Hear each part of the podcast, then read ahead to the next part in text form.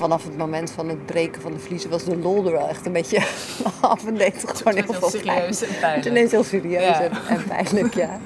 Zijn hoofdje heb ik er op een gegeven moment uitgeperst. En toen was zijn hoofd eruit, toen kwamen zijn schoudertjes niet mee.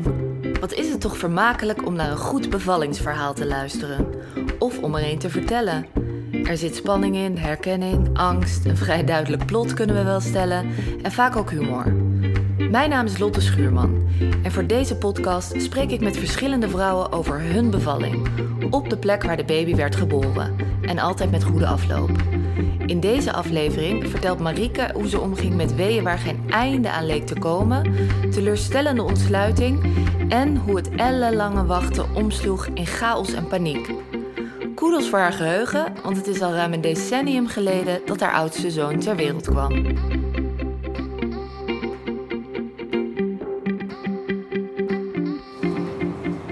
Hier op een bankje tegenover de ingang van het WKZ, het Wilhelmina Kinderziekenhuis in Utrecht. En in dit ziekenhuis beviel Marieke ruim tien jaar geleden van haar oudste zoon. In de jaren erna zou ze nog twee keer terugkomen voor de geboortes van haar andere zoons. We noemen hun namen vandaag trouwens niet in overleg. Marieke, je hebt vanaf ons bankje best wel goed zicht op de ingang van het WKZ. Doet dat beeld nog iets met je of is het daarvoor te lang geleden? Um, nee, het is wel gek. Oh, ik kom hier nooit. Hè. Het WKZ is uh, natuurlijk niet een ziekenhuis waar je uh, normaal gesproken zelf komt. Dus ik ben hier bijna alleen maar geweest voor de, voor de bevalling inderdaad. Drie keer maar liefst? Drie keer, ja. Ook drie keer gepland om hier te bevallen. Ook bij uh, de oudste al hadden we daar al van tevoren een rondje langs ziekenhuizen gemaakt en besloten om in het WKZ te gaan bevallen. Oh, je had je ja, wel en... echt goed ingelezen en ja, ja, laten informeren. Ja, volgens mij toen uh, zijn we zelfs nog naar een open dag geweest. Hier, die ze organiseerden om naar de kraamkamers en zo te kijken. Dus ik had daar best wel een, uh, sowieso een beeld van dat ik graag in het ziekenhuis wilde bevallen en niet thuis. Ja, en doet dat beeld nog iets met me? Nou, ik kan het wel zo weer voor me zien hoe we vanaf de auto naar de ingang gingen. En ook hoe we met nou, 1, 2, 3 keer kinderen naar buiten gereden werden of uh, kwamen lopen. Nee, ik denk niet dat ik zelf liep. Nee, Alle drie de keren niet, denk okay, ik. In een rolstoel. Maar in een rolstoel ja. met die maxicosi. Ja, dat ja, toch wel een beetje een romantisch beeld. Ja. We gaan het vandaag vooral hebben over de bevalling van jouw oudste zoon. Vooral ook omdat jij van tevoren aangaf dat dat de bevalling was die jij het beste kunt herinneren. Hoe komt dat? Ja, ik denk omdat dat um, de meeste indruk heeft gemaakt, omdat alles nieuw was. Um, en de keren daarna waren, klinkt nu alsof ik het tien keer heb gedaan, nee, maar waren uh, toch wel wat, uh, nou, kon ik vergelijken met uh, de eerste keer. En misschien ook wel, ja, omdat de voorbereiding, we waren toen echt wel ook samen, maar ik ook zeker veel mee bezig. En ik had zo'n hele cursus gedaan. Ik, ik kan me nog best wel goed herinneren uh, hoe dat in fases ging. Ook wat er tegenviel of meeviel of heel anders was dan ik gedacht had. Dus ik denk vooral omdat het de eerste keer was. En alles um, nieuw. En alles nieuw en uh, indrukwekkend. En het duurde ook heel erg lang. Dus misschien waren er ook wel heel veel momenten die zo lang gerekt waren. dat ik er wel nou ja, dat het wel in mijn geheugen gegrift uh, was. Ja. Nou, laten we daar eens beginnen dan ja. met het verhaal. Want voordat jullie uiteindelijk hier terechtkwamen, hier tegenover in het WKZ, wat ging daaraan vooraf? Hoe begon de bevalling? Nou, het begon eigenlijk al. Uh, uh, ik was tien dagen voordat onze zoon is geboren. uitgerekend. Zeker de eerste keer telde ik vooral ook af naar die uitgerekende datum. En de dagen erna die maar verstreken en verstreken, ja, dat, dat duurde gewoon heel erg lang. Um, ik geloof een week of een paar dagen voor uh, uiteindelijk de geboortedatum van onze zoon, uh, dacht ik dat mijn vliezen gebroken waren. Dat bleek niet zo te zijn, althans, dat konden ze niet helemaal terugvinden. Wat? Waarom dacht je dat? Ja, ik, ik verloor een beetje vruchtwater, dacht ik. Maar nou, toen, toen hier in het ziekenhuis hebben we toen een echo laten maken. En dat was, er was toch nog, nou, in elk geval, er was een scheurtje. Was, ik had niet helemaal gebroken vliezen. Dus toen gingen we weer vrolijk terug naar huis. Dat was denk ik in het weekend. En, en uh, op dinsdag was uiteindelijk, uh, uh, ging de bevalling... Nee, op maandagavond zette de bevalling wel echt in. Um, maandagavond zo na het eten. En ik had al steeds een beetje, ja, hoe noemen ze dat, voorweeën. En een beetje ik wilde ook heel graag dat de weeën begonnen. Dus soms wist ik ook niet, als ik dan een goede film zat te kijken, weet ik nog dat ik het vergat en dat ik het ineens niet meer voelde. Ja, ja. Dus het was denk ik af en toe ook wel bijna een beetje psychisch. Dat je denkt, oh het neemt echt toe. En dat ik op de klok al ging kijken. Dat je zo hoopte dat het van start ging. Dat ik echt uh, ja, daar wel op aan het hopen was. Um, en uh, uiteindelijk was het die maandagavond ja, niet meer te negeren. Kon ik ook niet meer slapen gelukkig was er toen een hele spannende tenniswedstrijd op tv. Het was, uh, ik weet nog dat ik de hele nacht, voor mijn gevoel de hele nacht, de US Open finale heb uh, zitten kijken, liggen kijken, staan kijken. Weet je nog wie er speelde? Ja, nou dat heb ik teruggezocht. Okay. Want ik weet dat het Federer was, maar ik wist het even niet meer wie de opponent was die wel gewonnen had. Dat was Del Potro toen. Ah, oh, je wist nog wel dat het Federer was? Dat wist ik nog, maar ja, dat was toen een beetje... Ja, en nog okay. steeds eigenlijk elke finale van een... Lekker makkelijk. Ja, ja, maar, nou, goed. Nee, dat, dat weet ik nog wel. En ook dat het een hele spannende vijfsetter was. Nou, maak je me sowieso wel blij met een leuke tenniswedstrijd. Maar zeker op dat moment kwam dat heel goed uit. Ik weet ook nog dat ik ergens ja, uh, uh, Paul lag al te slapen. En dat ik wel ben gaan zeggen, maar een beetje zo'n loze mededeling van... oh ja, het is nu wel echt begonnen. En hij zei, oh ja, oké. Okay. Ja, succes. Prima, veel succes. En, en, hij sliep weer verder. Ja, wat, wat moet je ook anders? Ja. Dus de, ja, de aanloop was in allerlei opzichten lang. Negen maanden is sowieso lang. En ja. dan tien dagen na de uitgerekende datum is lang. Ja. En uh, de avond van tevoren... Um, nou, heeft ook best wel een uh, lange aanloop gehad.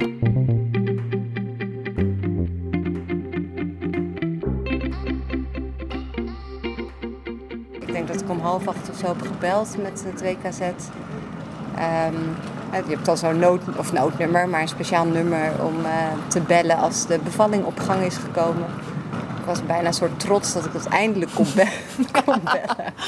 Lang verwacht. Lang verwacht, ja. Dus we zijn toen, uh, en toen zeiden ze, nou kom na de wisseling van de wacht. Um, volgens mij om een uur of acht of zo mochten we gaan rijden en half negen daar melden. Had je ja, veel dat... pijn op dat moment? Ik heb het nog nagezocht. Elke drie, vier minuten kwam er een wee. Um, dus dat was wel echt pijnlijk. Um, maar ik weet nog dat ik en volgens mij ook wij vooral ook een beetje wel euforisch waren dat er eindelijk uh, echt wat beweging in zat. Dat vond ik al een hele overwinning op zich. Dat we eindelijk zo ver waren gekomen. Of dat ik eindelijk zo ver was gekomen dat ik naar het ziekenhuis kon. Um, ik denk dat ik ook al wel dacht dat ik al een heel eind was. En was dat uh, ook het geval? Nee, niet echt. Toen we in het ziekenhuis kwamen, ik denk um, om een uur of half negen s ochtends en we in die kraamkamer waren gesetteld, kwamen ze kijken hoe ver ik echt al gevorderd was. En het was eigenlijk um, nog amper. Uh, dus ik had nog bijna geen ontsluiting. Uh, maar ik weet nog dat Als in nul? Of? Ja, in het um, verslag staat... Volgens mij heeft ze heel aardig opgeschreven 1 of 2 centimeter. Um, 1 slash 2. Maar ik weet nog dat de verloskundige zei: Nou, je bent wel helemaal verstreken. Oftewel. Je bent zelf verstreken.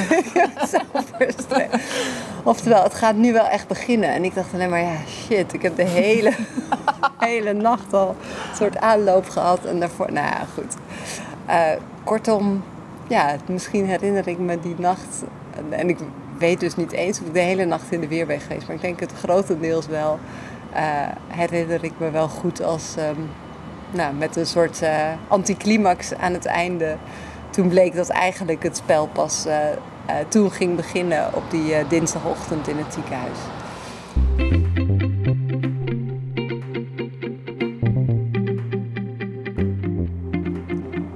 Nou, de weeën werden eigenlijk pas echt sterker toen ze om een uur of rond lunchtijd, want het schoot niet zo erg op. Het bleef een beetje in diezelfde uh, sfeer gaan van elke drie, vier minuten een wee. En wel ietsje heftiger, maar er zat niet heel veel progressie in. En toen hebben ze rond lunchtijd uh, de vliezen gebroken. En dat maakte heel veel verschil. Dus vanaf dat moment werden de weeën heftiger, uh, langer, echt pijnlijker.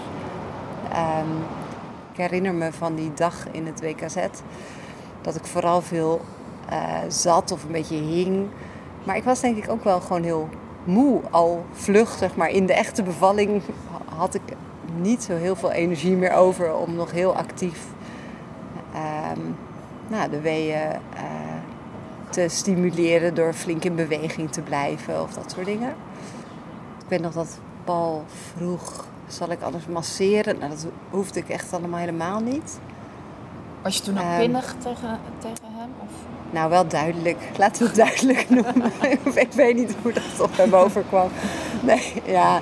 nee, ik wist wel heel goed dat ik dat allemaal niet hoefde. En ik had ergens in dat bevalplan ook opgeschreven dat ik wel een baarkruk wilde proberen. En ik weet nog wat uh, na een tijdje. dat, dat was iets om aan te vinken of zo, geloof ik. En toen kwamen ze op een gegeven moment vragen: ja, wil je die nog? En ik dacht echt, zo niet op met ja, dat rotding oh, en hoezo het gaat. Ja. Dus ik.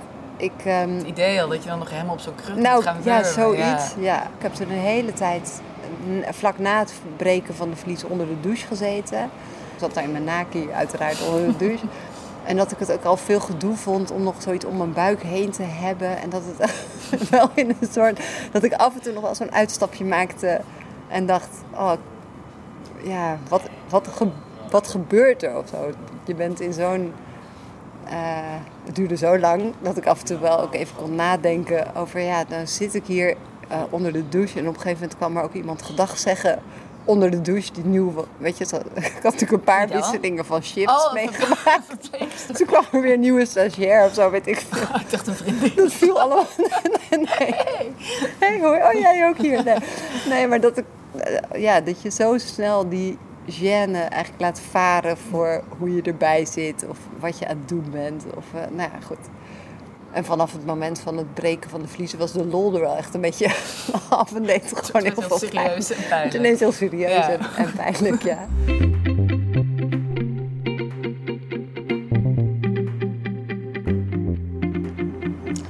Na 24 uur mocht er geperst worden? Uh, ja. Dat? ja. Nou, toen was ik echt wel aan het eind van mijn Latijn. Ik wist ook niet wat ik moest doen. Dus, uh, volgens mij had ik gewoon het voldoende aantal centimeters ontsluiting. Um, en ik weet ook nog, ik mocht om uh, dus uiteindelijk nou, heb ik dik een uur geperst. Dus na zeven uur s avonds of zo zeiden ze, nou laten we maar gaan proberen te persen. Maar ik had niet.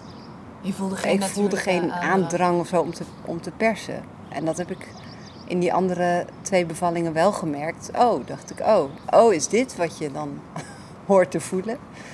Het zal met moeheid misschien te maken hebben gehad. Of...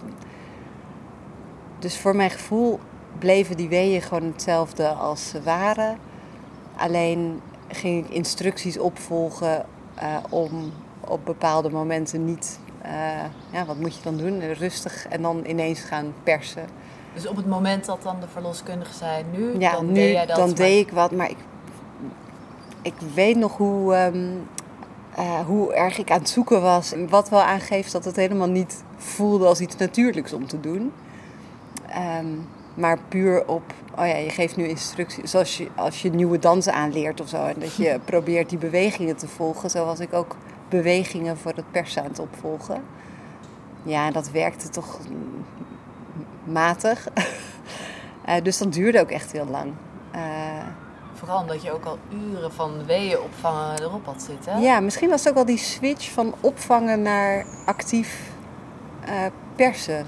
Dat persen is natuurlijk best heel spannend. Want je moet ineens, sowieso ga je van weeën wegdenken, opvangen, rustig blijven, negeren, zeg maar. En naar um, actief gebruiken en ja, totaal wel, andere dynamiek eigenlijk. Ja, met een enorme spanning op waar die baby uit moet. Ik weet dat ik bij de eerste keer bij de oudste ook echt dacht: ja, dit kan gewoon niet. Jullie vragen me nu om te duwen, maar ik ga echt niet kunnen duwen. Dus het was een soort mix tussen niet weten wat me gevraagd werd en niet durven. Um, Raakte je in paniek? Um, nee, ik ben volgens mij toen niet. Uh, op dat moment. Nee, sowieso niet. Tijdens het, uh, tijdens het persen niet. Maar wel een soort wanhopig. Dat ik dacht, nou, dit gaat gewoon niet meer lukken. Geloofde je in jezelf dat je het kon? Nee. Nee, ik, nee. Nee, en ik, het was niet dat ik lag te denken aan, oh, dan moet ik een keizersnee. Of daar was ik helemaal niet mee bezig. Want ik snapte natuurlijk ook wel dat het kind er op de een of andere manier uit moest. Maar ik was denk ik een soort, uh, ja, ja, door, door moeheid en uh, niet weten wat ik moest doen, een soort lam geslagen ook wel. En uiteindelijk elke keer in die weeën, nou je denkt anders dan zou die er nog gezeten hebben, maar elke keer in die weeën kwam het wel een stukje verder, maar het ging echt niet heel makkelijk. Hij is eruit gekomen. Ik heb hem Vraag niet hoe. Het is een lange, knappe jongen geworden. hoe, hoe is dat dan uiteindelijk toch uh, nou, goed gekomen? uiteindelijk uh, en dat was wel het moment dat er in elk geval in de kamer echt wel paniek uitbrak. Um, Wat was het moment? Toen hij uh, geboren, of zijn hoofdje heb ik er op een gegeven moment uitgeperst. En toen was zijn hoofd eruit, toen kwamen zijn schoudertjes niet mee. En toen werden er op, ik weet nog dat ik iemand op een knop zag drukken. Oh, dat was een heel eng dat is, Ja, en dat er ineens ook wel meer mensen de kamer inkwamen. En toen zei die verloskundige uh, dat ik moest omdraaien op handen en knieën. Um, een soort uh, nou, gekke yoga-houding. Waardoor zij het schoudertje kon draaien en hem er toch uit, nou, bijna een soort als een koe die, die geholpen wordt, uh, ge, of een, een, een, kalfje wat geholpen wordt geboren te worden. Kan je um, nog herinneren hoe dat voelde, dat je toen in één keer zo... Nou, ik was toen heel. Um, ja, misschien was het wel paniek. In een soort uh, flits deed ik wat ze zei, omdat ik wel zag dat het helemaal niet goed ging. Maar ja, draai maar eens om met een hoofd van een baby uit ja. het is natuurlijk een heel, sowieso een bizar beeld. Ja, waar ik vooral ook heel erg van schrok was dat Paul zo geschrokken was. En die stond helemaal bleek en stil. man. Mijn man, ja, naast, uh, naast het bed. Um, keek pas weer naar hem toen uh, uh, onze zoon wel geboren was. Maar hij, hij huilde ook niet gelijk. Dus het was ook wel echt even een spannend moment. Ook niet zelf de navelstreng kunnen doorknippen, maar gelijk, hup, baby, naar de commode. En een uh, beademingsapparaat stond al klaar. Gelukkig was het allemaal niet nodig. Want pakte die snel genoeg toch, um, nou, ging hij zelf ademen en begon hij te huilen. En dan weet je vanuit films wat je vertelt, is dat dat een heel goed teken is. Waar we met 24 uur naartoe hadden gewerkt, ging ineens in een hele gekke soort twist. Uh, uh, voor mijn gevoel nog bijna mis. Ja, nog gewoon een groot verschil tussen het eerste deel en het tweede, inderdaad. Ja, een evil twist nog aan het eind om het toch nog weer een beetje spannend te maken. Maar wel een goed verhaal op zich. en ik wist niet, daar hadden ook die cursussen mij niet op, uh, of die cursus had mij daar ook niet op voorbereid, dat je wel eens gevraagd kunt worden om uh, op handen en knieën te gaan zitten. Um, dus dat moet in het curriculum. dat moet, ja, precies.